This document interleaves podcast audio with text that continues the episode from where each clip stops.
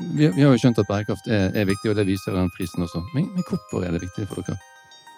Det er flere grunner til det. Vi, vi, diskuterte det så, også når vi gikk litt rundt her. Altså, for det første så er jo det dette med et overordnet miljø- og klimaansvar, som vi mm. har som bedrift. Like mye som alle andre som eh, si, driver i næringslivet, om det er offentlig eller privat. Mm. Så har man som eh, en si, bedrift med respekt for seg sjøl et ansvar.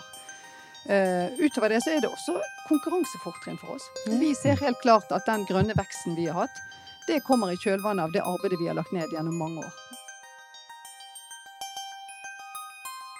Vi har jo en kollega som sa det enormt godt, at uh, vi lever bærekraft. Mm, mm. Og, og, det er noe jeg har lagt merke til etter at jeg starta, at eh, beslutninger og, og ideer og, og, investeringer det gjøres på en måte automatisk, men bærekraft ligger i bunn uten at man nesten tenker på det. Mm. Uh, ja, det gir oss konkurransefortrinn, og ja, det er nødvendig, men, men det er så å si automatikk i det.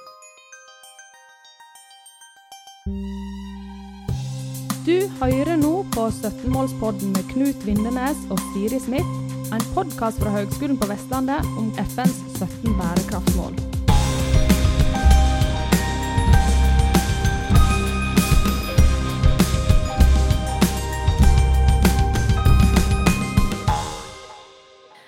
Velkommen alle sammen til en ny episode i 17-målspodden. Og i dag har jeg og Knut tatt turen til Arna for å besøke Norengro Brusdal.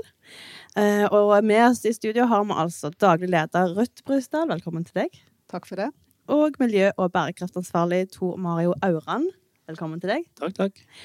Veldig spennende. Um, ja, nå skal vi høre litt mer om hvordan, hva det er for noe Norengro Brusdal, og hvordan de jobber. Og jeg har funnet på nettsiden her at um, dette her er altså en virksomhet med felles og sunt verdisett, der som de stiller strenge krav eh, til seg sjøl og innvirkning på miljøet og samfunnet. Um, I 2018 så ble det oppretta en egen prosjektgruppe for miljø og bærekraft. Um, og der var det vel Noreng Gro Brusdal som tok initiativ til det. Vi var i hvert fall sterkt medvirkende. Det er bra. og målsettingen Målsetningen er altså å sørge for at Norengro er og forblir en ledende aktør på bærekraft og miljø innenfor bransjen. Det er satt opp fem hovedmål som tar for seg de ulike delene av driften til Norengro, og omhandler punktene strategi og lederskap, internt DNA, posisjonering, produkt og leverandør og egen drift. Så har de lagt en del bærekraftrapporter opp gjennom årene etter det, og det er masse bra som skjer. Men eh, vi må jo dra fram at eh, Brusdal de vant Bergens næringsråd sin bærekraftpris i 2022. Gratulerer med det. Ja, det var knallbra å få med poeng også. Ja. ja, men det var stor stas. Ja, det er jo helt uh, knall. Vi kan komme tilbake til det etter hvert. Uh, men uh, la oss først gå i gang med noen innledende spørsmål her. Hvem og hva er Norengro? Rødt? Jo, jeg kan svare kort på det. Altså, Norengro er en forbruksvaregrossist. Eh, grossist kan virke litt sånn gammeldags også kanskje for studenter, men en grossist er rett og slett en, en, et mellomledd mellom eh, mange produsenter i inn- og utland som eh, legger varer eh, innenfor vår eh, si, bransje da, til lager. Og så leverer vi da ut til offentlige og private bedrifter i hele Norge. Mm. Og vi leverer i hele Vestland fylke. Så det er rett og slett eh, Vi samler alt det kundene vil ha på ett sted, for å ha samkjøring og samlet lokasjon for våre varer. Mm. Og Eksempel på disse varene kan være alt innenfor emballasje. Store Storhusholdningsemballasje og industriemballasje. Mm. Og gaveemballasje og matvareemballasje. Mm. Og det kan være kontor- og datarekvisitter. Det er jo enda en del forbruk av det. Og så kan det være møbler. Og så er det masse innenfor medisinske, eh, medisinske produkter, medisinsk forbruksmateriell. Mm. Alt fra plaster og si, stetoskop til store ultralydmaskiner. Mm. Og I tillegg til det så har vi eh, alt innenfor tørk- og renholdprodukter. Så det, det, er veldig bredt spekter. Vi har 30 000 artikler i vårt sortiment. Ja. Mm. Ikke verst. Det, det er mange artikler. Det er mange artikler, og enda blir vi litt sjokkert selv når vi finner ting på lager eller butikken vår over utvalget vårt. da. Ja, vi var jo inne i lageret og så, det var jo imponerende. Og trøkkene fram og tilbake, og full kontroll på HMS-en mm. der. Og det var bare virkelig imponerende, logistikken inn og ut. Men vi nå er på Norengro eh, Brusdal, eh, så hva er det for noe egentlig i forhold til Norengro? Norangro Brusdal er jo en, eh, si, et medlem. Vi, vi, eier en del av Norangro-kjeden, som består av tolv eh, medlemsbedrifter. Uh, og Norang og Brustad er jo da en lokal familieeid et medlem, som, eller bedrift, som holder til her ute i Arna. Vi har 110 ansatte. Selger for rundt 500 millioner pluss, pluss, pluss minus i året. og har egentlig dette med lokal tilhørighet, tilhørighet lokal tilstedeværelse lokale butikker rundt omkring i vårt fylke som en del av mm. vår på en måte, kjernevirksomhet. I tillegg har vi egne lastebiler. Veldig mange elektriske lastebiler. Og veldig glad for disse fine elektriske lastebilene som kjører rundt på veiene i dag. De har fine navn og er gjenkjent som Elinor og Elise og Elisabeth og Elvira, som de heter. Elvira. Ja. Pluss vi har en del elektriske varebiler og ja, vannkjøretøy. Så vi, vi, er på en måte en lokal eh, eid grossist. Og det, og det fremhevet jo en del under omvisningen som vi hadde i sted. Det, det lokale, den lokale tilhørigheten. Den er viktig absolutt viktig. og det, Vi snakket jo litt om dette med eh, bærekraft eh, og den sosiale delen av bærekraft. Det er ikke bare miljø som er bærekraft. Dette med å ha fokus på selvfølgelig eh, åpenhetsloven og aktsomhetsvurderinger i leverandørleddene våre, utrolig viktig. Hvor mm. handler vi varene fra, og hvordan blir arbeidsplassene hos våre leverandører og produsenter, si, de arbeidstakere på arbeidsplassene, hvordan blir de håndtert og tatt vare på? Mm. Men også hvordan vi som som bedrift i et nærmiljø tar vare på vårt lokalsamfunn. Mm. Hvordan støtter vi små og store lokale idrettslag, eh, speider, kor, korps, Kirkets Bymisjon, eh, Fangeleiren, Lenken, som, altså mm. Fangeleiren som en av de siste Eller det er vel den siste eh, gjenlevende for å si, leiren fra eller si, eksisterende eh, fangeleir fra krigen, som er mm. tatt vare på i den formen det er. Så det er mange måter å på en måte bidra med lokalt mm. eh, samfunnsstøtte, da. Som er en del av bærekraftfokuset vårt også. Mm. Absolutt. Da kan vi jo broen rett over til deg, Tor Mario. Du er altså Hva var det tittelen var nå igjen? Det var altså bærekraft, miljø- og bærekraftansvarlig. Ja, hva innebærer det egentlig? Ja, det kan du si. Det er, det er jo en, for det første en helt ny stilling. Jeg starta her eh, hos Nordengrå Brusdal eh, i mai i fjor.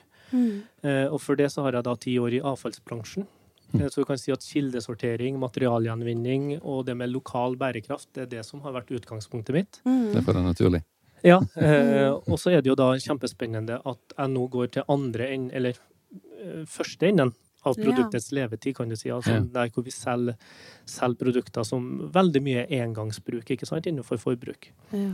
Uh, og da med en, en kompetanse om uh, hva som skjer med det produktet som avfall, så kan jeg også si noe om hvordan kan man prøve å endre produktet for bedre materialgjenvinning, f.eks.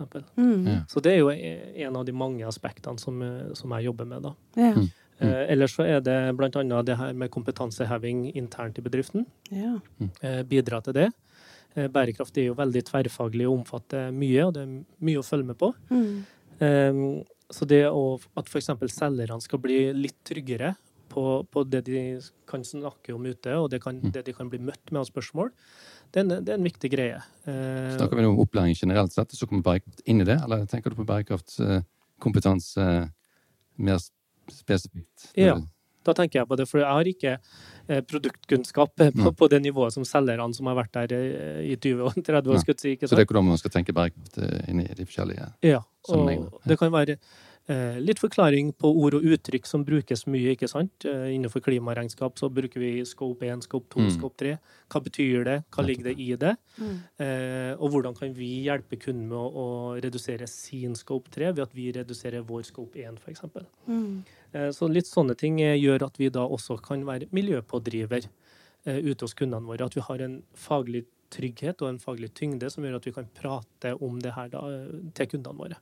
Mm. Men altså, eh, bærekraftsprisen ble jo, kom jo fra 2022, og du ble ansatt for et år siden. Så hvor mye skyldes denne bærekraftsprisen den jobben du har gjort det halvåret? Nei?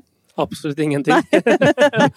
Absolutt ingenting. Jeg mm. bruker å si at jeg kom til duk og dekka bord. Ja. Det var sikkert litt beskjedent sagt, tipper jeg. Nei, det er det absolutt ikke. Ruth eh, starta det her i 2017. Eh, eller, de har jobba med bærekraft lenge, men spesielt 2017. Mm. Eh, så, så, det er jo en kjempeanerkjennelse, tenker jeg og tenker vi. Eh, om at vi fikk tildelt den prisen. Det mm. er utrolig stort, syns jeg, på vegne av hele bedriften. Men trenger, trenger de din rolle da, når de har vært så gode fra før? Ja det, ja, det, tør jeg jo påstå. Ellers blir jeg arbeidsløs i morgen. Nei da. Nei, eh, jo, men det handler jo hele tiden om å strekke oss og bli bedre. Sant? Ja. Etter hvert så så jo vi at dette her er jo eh, Det er kommet for å bli, det visste vi. Ja. Men, men at, det, at, det, skulle bli så stort, at det skulle bli så arbeidskrevende, eh, at det, kompleksiteten i det, ikke minst, og alt det som skjer av nye direktiv mm. Vi snakket her innledningsvis når vi kom inn her i dag om, om EUs grønne vekststrategi, sant? om denne European Green Deal, hvordan det vil påvirke oss, bærekraftsdirektivet. Etter hvert så blir det mer enn bare eh, de som hadde oppgaver fra før, skulle jobbe med. Ble, vi kan ikke bare ha det sånn høyrehåndsarbeid eller venstrehåndsarbeid, som det heter. Sant? Vi måtte ha flere ressurser inn. Og dermed så var jo Tomario ikke mm. vanskelig å velge når vi skjønte at han kunne si, begynne hos oss. Så vi var tidlig på og fant ut at han er en ressurs som vi trenger. Mm. For det er mye som skal eh, på en mm. måte um, si, Det er mye som skal på plass mm. eh, når vi har lyst til å følge alle disse kravene som mm. vi nå er i gang med å, å ja. nå. da. Mm. Vi, vi, har jo skjønt at bærekraft er, er, viktig, og det viser den prisen også. Men, men, hvorfor er det viktig for dere? Eh, det er flere grunner til det. Vi, vi, diskuterte det veldig så, også når vi gikk litt rundt her. Altså, for det første så er jo det dette med et overordnet miljø- og klimaansvar, som vi har som bedrift, like mye som alle andre som for å si, driver i næringslivet, om det er offentlig eller privat, mm. så har man som eh, en bedrift med respekt for seg sjøl et ansvar. Uh, utover det så er det også konkurransefortrinn for oss. Ja. Vi ser helt klart at den grønne veksten vi har hatt, det kommer i kjølvannet av det arbeidet vi har lagt ned gjennom mange år. Mm. Uh, og det å vite at kundene har tillit til oss, stoler på oss, uh, at vi kan si, være et slags si, et, en foregangsbedrift, da, og gi dem en kunnskap som noen enten ikke har ressurser for å skaffe selv, eller mm. sliter med å få inn i sin organisasjon, så kan vi som leverandør tilby de den kunnskapen, mm. sammen med våre varer. da. Får dere tilbakemeldinger sånn sett fra kundene eh, litt eksplisitt også, eller går det mest på tolkning av begge deler. Nå i de siste, si, siste, to årene så opplever vi at kundene faktisk eh, både ber om hjelp, sånn som Tomario sa her i sted. Det er flere kunder som ønsker besøk av Tomario sammen med selgerne våre eller ja. andre salgssjefer. For ja. da er det en, en, en, kompetanse de ikke har. Ja. Så, så, vi har eh, mange som faktisk eh, ønsker å bli med i den si, reisen som, som mm. vi også har mm. startet på. Da. Mm. Ja, da handler det om uh, hvordan vi jobber med bærekraft. ikke sant? Det er det generelle spørsmålet de har eh, sett i media eller sett bærekraftsprisen og sånne ting. Og hvordan gjør vi det? Og da er det jo litt sånn hvordan starter man? Og jeg bruker å kalle det at bærekraftsarbeid er summen av små og store tiltak. ikke sant? Mm. Så det kan være fra klesbyttedag til, til, store investeringer på kjøretøy eller solcellepanel. så det, det, er jo et veldig vidt spekter innenfor bærekraftarbeid. Da. Mm. Så det, mm. det, merker vi at det er interesse rundt. Mm. Jeg ville bare lurt litt på, når du sa eh, litt sånn spole tilbake til EUs eh, Green Deal og grønne eh, For å finne ut hvordan det treffer oss, sa du. Mm. Hvordan, ja, hva, hva har dere kommet fram til? Hvordan vil dette treffe dere, egentlig? Altså, men, dere, og dere vil ha en fordel når dere har jobbet så mye med bærekraft fram til nå, eller kommer det virkelig Treffer dere eh, som et lokomotiv, eller hvordan Hva tenker hva, tenker jeg om det? Ja, um, altså det, det, vil jo treffe oss, og det har truffet oss allerede på flere områder. Sånn, bare ta, um, ta, noen av de direktivene som kom i fjor, altså SUP-direktivet, eller plast, engangsplastdirektivet, som veldig mange i Norge plutselig fikk et forhold til. At det var forbudt å Det var jo en stor diskusjon rundt sugerør. Mm. Man hadde ikke lov til å ha sugerør i bar, f.eks. Altså bare noe så enkelt som det.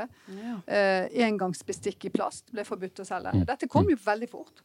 Det ble vel eh, lansert i, rundt eh, nyttår, og forbudet trådte i kraft 1. mai eller juni, hvis jeg ikke husker feil. Eller juli, iallfall på sommeren. Ja. Det er jo et direktiv som eh, man må forberede seg på. Hvis vi bare solgte engangsplast, da, så mm. hadde jo vår næring vært på en måte vekke i løpet av noen korte måneder. Mm.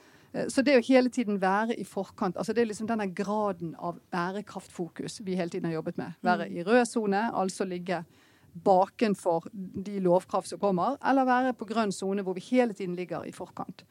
Så vi tok en tidlig avgjørelse at vi ønsket å være i, i forkant, altså på den grønne skalaen av bærekraftfokuset, bærekraftsfokuset. Da. Var, det, var det en litt krevende diskusjon uh, å komme frem til det? Det ligger vel noen dilemma i det? Det ligger jo en motivasjon i forhold til å overleve som bedrift, uh, beholde arbeidsplasser, uh, økt konkurranseevne. Mm. Så det var egentlig OK, være eller ikke være. Det er egentlig det det handler om.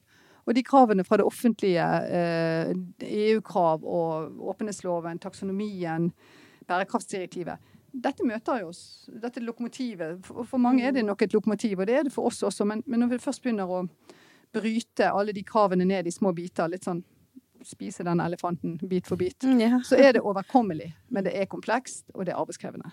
Og vi er veldig glad vi startet såpass tidlig, og at vi faktisk er i gang mm. med den, mm. i den prosessen da. Hvordan jobber dere for å forstå EUs krav og regelverk best mulig? Ja, vi, du kan fortelle litt om det, du. Ja. Åpenhetsloven, som du har jobbet masse med. Ja, åpenhetsloven er jo én ting, men vi har jo også eh, nå søkt hjelp, for å si det sånn. Mm. Eh, hvor vi får hjelp av PwC eh, til å utarbeide en klimastrategi. Okay. Eh, hvor vi da går litt vekk fra klimanøytralitet, som tradisjonelt handler om det her scope 1 og scope 2. da. Mm. Eh, for vår andel ligger jo desidert høyest i, i kategorien produkter og tjenester, eller transport og tjenester, selvfølgelig. Mm. I og med at vi kjøper inn så mye produkter. Unnskyld, men sa, sa vi i sted hva Skop 1 og 2 betyr, da, konkret? Nei, det har vi ikke sagt. På meg, hvis du klarer å ta det på sparket? Ja, Scope 1 det handler jo da om eh, utslipp fra egen drift, altså f.eks. Mm. kjøretøy eller maskiner vi bruker. Mm. Og det kan vi jo da redusere ved å kjøpe inn elektriske kjøretøy eller elektriske trucker eller noe sånt. Mm. Så har du Scope 2 som går på energi i forbindelse med bygg og, og sånne ting. Og det kan vi jo redusere ved å installere solcellepanel, f.eks. Eller eh, varmepumper. Eh, eller LED-belysning, altså sånne ting. Og så har du den store sekkekategorien da, som, som, kalles Scope 3, som omhandler på den ene sida alt vi kjøper inn av produkter og mm. tjenester. Mm. Eh, avfallshåndtering og sånne ting. Og på den andre sida av ting vi selger, så er det jo transport fra oss. Det er bruk av produkter og sånne ting. Så det, der er det jo mye. Mm. Så ja, 85-90 eh, av vårt utslipp ligger da i scope 3. Og da på kategorien som omhandler produkter. Jeg tror faktisk det er enda høyere for oss på Høgskolen på Vestlandet. Jeg bare en liten sånn digresjon på den. Ja, ja, ikke sant? Ja. Kan, kan, du si tallet lenger til? 85-90 ja, ja. har PwC funnet ut at det ligger der, da. På den ene kategorien. Hele scope 3 tror jeg ligger på 90-95. Mm.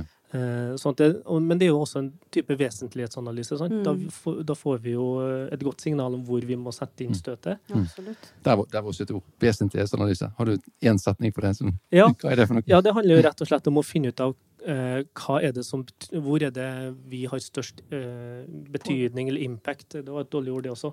Påvirkning. Påvirkning, takk. uh, og da er det der man må starte, sant? Ja. Og så innafor der igjen, så er det også noen mer eller mindre lavthengende frukter, da. Mm. Uh, det som er utfordringa innenfor produkter, er at vi ikke produserer noe sjøl. Mm. Det betyr at vi må ha et enormt uh, godt samarbeid og god dialog mm. med leverandørene våre, som vi også må få med oss på laget her. Mm. Uh, og der er det heldigvis mange som er, er godt i gang, og, og både i form av dokumentasjon og produktutvikling. Og så er det noen som ikke er så godt i gang, da. Der blir litt nysgjerrig. Har dere noensinne produsert ting sjøl, eller har det vært et valg, en vei hele tiden å kjøpe inn på andre? Nei, som grossist så produserer vi ingenting selv. Nei. Vi har noen altså, Du kan si vi produserer tjenester, hvis det, ja. du kan kalle det definisjonen. Vi har mm. service og vedlikehold av større maskiner ute i uh, offentlig og privat næringsliv. Det blir en produksjon av en tjeneste man, man vedlikeholder ting. Men ikke, vi, vi, vi, lager ikke for å si, emballasje her nede Nei. hos oss. Nei. Men noen i Norangro driver faktisk med det også. Sånn at det, det, ikke, det vil feil si at ikke Norango driver med produksjon, for en del driver faktisk med, med en del uh, emballasjeproduksjon. Da. Akkurat, mm. ja. Bare et, en kommentar til det som Tor Mario sa, for det er helt riktig. Skåp 3 som er det store, si, det store spøkelset her. Mm. I tillegg til varene så er det noe som heter avhending av varer. Altså transport inn til Norango står jo for 7-8% inn i Skåp 3. Så det at det er på 95 det viser jo bare hvor stort den si, biten av varekjøp, mm. varesalg, er eh, i dette regnestykket rundt klimaregnskap. Da. Så Derfor er det viktig at vi tør å, å gå inn i, den, eh, hva skal vi si, i det spøkelset, for å kalle det det. For Hvis ikke vi tør å gjøre det, da kommer vi liksom ingen vei. For det, alt det andre blir bare små dråper i havet. Mm. Vi må tørre å innrømme våre svakheter, og at vi faktisk eh, kan bli bedre hele tiden. Men da må vi ja. gripe fatt i det. Enig, og det, det, derfor viser òg veldig tydelig at vi er avhengig av hverandre. Altså, sant? Ting henger sammen. Vi må stille krav som kunde til leverandørene mm. osv. Så, så går det nedover i kjeden der. Um, litt tilbake til den bærekraftprisen. Hva var det dere gjorde som var så bra når det gjaldt Altså, hva var det dere hadde gjort for å fortjene den? Hva var kriteriene, og hva var dere liksom det var jo forskjellige ting. Da jeg liker ikke å skryte så mye. Jo da, det er lov. Ja, jo, men altså, det var vel altså, um, altså, For det første må vi si det betydde mye for oss å få den. Altså, det var mm. faktisk kjekt, og det var så stas, som vi sier da, å bli lagt merke til. Uh, og få en anerkjennelse for det arbeidet som vi tross alt hadde lagt ned som bedrift, mm. som kjede, eh, og ikke minst som eh, si, lokalt her i, i, Bergen. Veldig mange ansatte var med å gjøre et stort stykke arbeid. Mm. Så når vi da ble lagt merke til på de områdene som vi ble løftet frem på, så var det veldig kjekt. Mm. Ja. Og det jeg liker å, å, på en måte trekke fram, da, som er litt kall det objektivt, det er jo juryens eh, begrunnelse. Mm. Ja. Og Der snakker jo bl.a. Lisbeth Nære om eh, at ledelsen har forankra bærekraftig strategi og investeringer. Hun er styreleder, eller var det i, i Bergen Nei, altså, hun var med i juryen, ja, med i juryen. Ja, for, som ja. Eh, tildelte prisen. Nettopp. Uh, og at en tradisjonell familieeid bedrift som dagens generasjon kvinnelige eiere har transformert, uh, kan du si. Mm.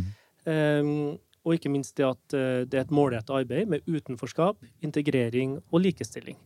Så det er jo flotte ting som de trekker fram, som de ser, da, som igjen er en utrolig fin anerkjennelse av det arbeidet som er mm. gjort. Så det ga gjenklang i organisasjonen når man følte at dette var, var ja, ja, altså, ja da, absolutt. Altså, det er jo ikke det at ikke vi kjenner oss igjen i det, men, liksom, men når du jobber med saken Det var sånn vi snakket om når vi gikk rundt her, at uh, du gjør det du føler er riktig, og, og, og vi gjør det fordi vi kjenner på mm. kroppen at dette er oss. Så at det samtidig blir lagt merke til der ute, da blir det litt sånn ekstra ja, Så det er ikke noe sånn taktikkeri? Nei, det er ikke sånn 'å, nå skal vi gjøre det for vi skal vinne den prisen'. Det, det, var ikke, det, var ikke, det som vi uh, tenkte på i det hele tatt. Jeg ble mm. faktisk uh, veldig overrasket og hadde ikke bestilt plass på verken uh, den dagen, for jeg skulle til Trondheim og feire sølvbryllup.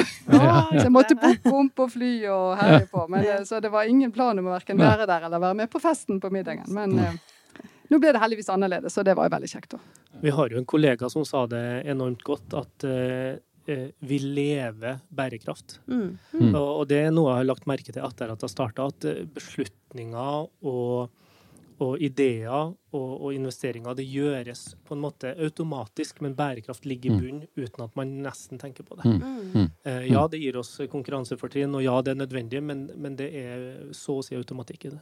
Ja. For Siri, det er jo ting som vi har uh, sett og hørt rundt om både i bedrifter og andre steder, at det er liksom, det er liksom suksessfaktoren for å lykkes. At det virkelig gjennomsyrer eh, Hva heter det? Altså det gjennomsyrer, og det ligger i blodet. DNA. Eh, ja, DNA. Ja. Du, du, kommer frem i tenkingen, eller det ligger i tenkingen, og det preger beslutningene. Ja. Sant, I stort og smått.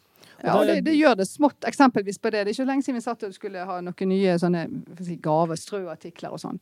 Så plutselig det vi kjøpte før, det var liksom For noen år siden så var det ja, buffer, eller det var isskrape hm, i plastikk skal vi Det var jo under dette SUP-direktivet. Vi kan jo ikke bestille 500 isskraper, selv om det er nyttige ting.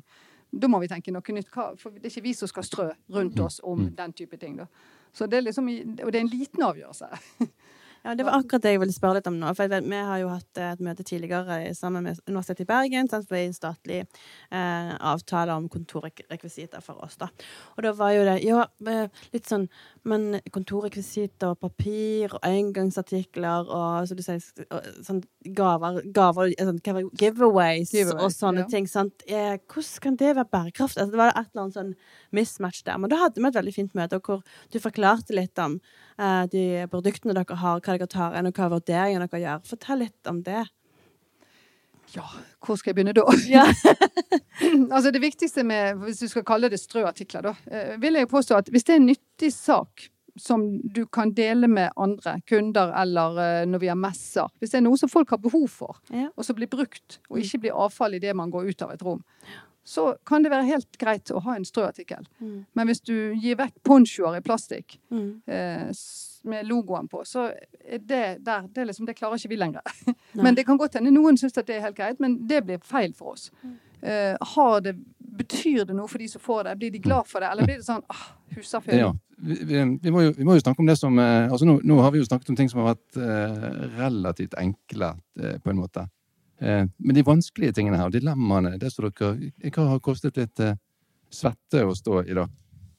i disse prosessene? Um, ja, vi, vi, vi hadde, når vi fikk det spørsmålet, vi måtte jo forberede oss litt her, så, så, begynte vi å tenke litt sånn, for det er alltid dilemma. Det er alltid mm. dilemma med å være tidlig ute. Det er mm. dilemma med å trakke litt opp uh, veien i forkant. Og uh, ett dilemma som vi ser på, det er jo det at et miljøvennlig produkt uh, mener vi er, si, det er riktig å selge, det er viktig å fokusere på det. Men er kunden villig til å betale for det? Og i, spesielt i mm. starten så kostet jo en del ting som blir produsert mye, i mye mindre skala, mye mer. Mm. Da er det en dilemma. Vil du si til kunden ja, nå vi har gått over til dette produktet her, for dette ser vi er mer riktig å bruke. Det har miljøstempel, offentlig godkjent miljøstempel, det er mer bærekraftig produksjon, og det kan sirkuleres etterpå eller delvis. Nei, sier kunden da, det er ikke villig til å betale 25% eller 40% mer for.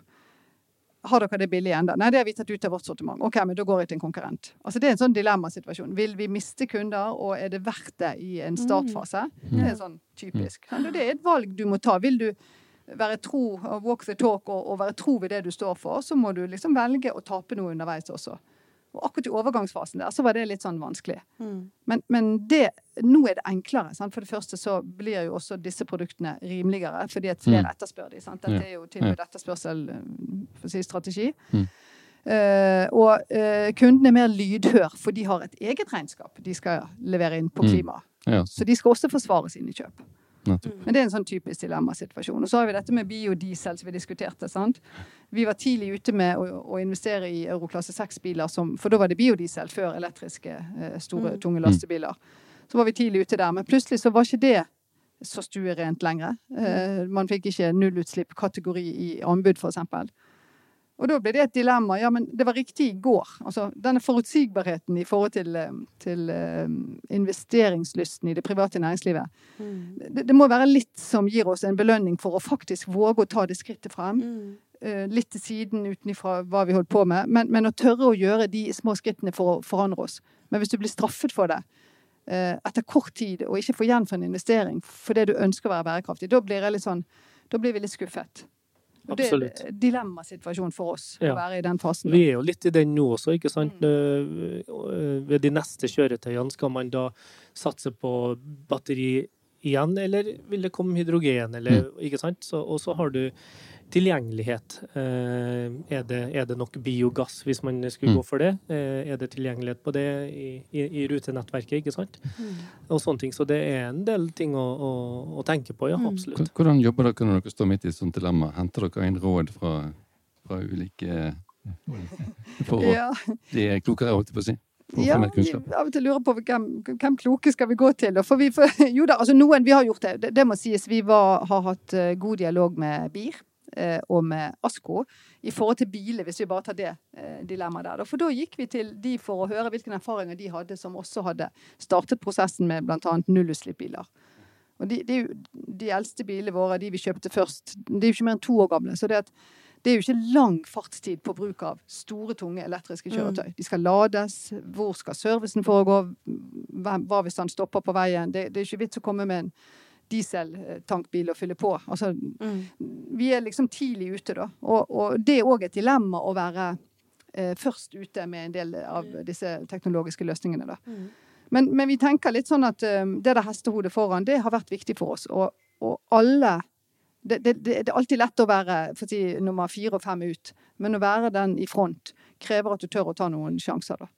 Og det har vi hatt som en litt sånn overordnet strategi, at vi, vi skal tørre å være litt vågale mm. og ta noen sjanser. Og så har vi vunnet på det noen ganger, og noen ganger har det vært rett og slett bare en kjempedyr investering. Mm. Ja, for det var det jeg satt og lurte litt på om jeg skulle spørre om. Dere, dere, man, man, bommer vel litt av og til også? Ja, absolutt. Og de som ikke bommer, de er jo ikke Altså, vi gjør feil. Absolutt. Og vi er ydmyke nok til å forstå det. Så hvis ikke vi tør å ta sjanser, så kommer vi oss heller ikke videre, da. Mm. mm. Men på den andre siden av det spørsmålet, sant? Eh, vi har, eh, har, jo forberedt noen spørsmål. Det var jo hva um, hvordan bruker dere bærekraft til å oppnå en sterk posisjon i markedet? Altså, er vi der nå at det, at det er på en måte oppnådd? Altså, ha, dere har jo uh, dere har jo en sterk posisjon i markedet og, og fått gjort mye bra. Men hvordan bruker dere Er, liksom verden, er verden der nå at det de gir dere den sterke posisjonen dere har? Sånn, ja, nei, det er, noe, det er, et kontinuerlig arbeid å opprettholde den, eh, den bærekraftsanseelsen mm. som vi har, som Norengro og Norengro-kjeden har i dag. Mm. Det er et kontinuerlig arbeid, og stopper vi det, så er vi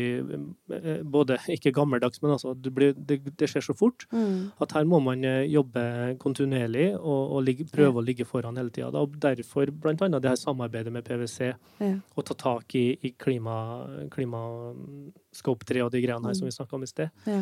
Men så handler det også om, eh, om, at vi jobber med åpenhet også. Hvordan mm. at vi deler hvordan vi jobber med bærekraftsarbeid. Mm. Og, det er, og for det andre så, så, lærer vi også når vi deler, fordi det er så mange bedrifter som eh, har egentlig samme målet. Men i og med at det er forskjellige bransjer, forskjellige typer drift, så får du hele tiden nye innfallsvinkler på samme problematikk. Ja. Og det er enormt lærerikt eh, på, på hvordan folk jobber. Altså. Ja, ja. Eh, og spesielt da siden bærekraft eh, er så tverrfaglig, som sagt. Eh, ellers så er vi jo i nettverk og jobber. Vi har presentasjoner, styreverv, jobber i sosiale medier og informerer på en måte om hvordan vi jobber med bærekraft. Mm. Så lurer jeg på en ting, da, Hva er viktigste indikator for dere sånn sett, i forhold til å vurdere hvordan anseelsen deres er, og hvordan den utvikler seg? Altså, sånn, Bærekraftsprisen er jo, er jo en indikator i seg selv. Hele verden ser jo det. og det og det er inspirerende for dere sjøl, som dere har sagt. Men eh, har, dere blitt mer sånn formalisert og strukturerte på indikatorer etter hvert, eller hvordan, hvordan tenker dere det? Hvis dere skjønner spørsmålet? Eh, ja, jeg, jeg, tror jeg skjønner det. Altså, eh, indikatorer er jo det at eh, Jeg snakker ikke om å være rollemodell eh, i den forstand, men, men, det at noen kommer til, til Norangro og spør om råd i forhold til løsninger, er jo en mm. indikator på at vi har iallfall gjort noe riktig. Noen har lyst mm. til å lytte til vår erfaring, da. Og, og, og hvis noen har lyst til å lytte på oss, så skal vi gjerne bidra med det vi kan.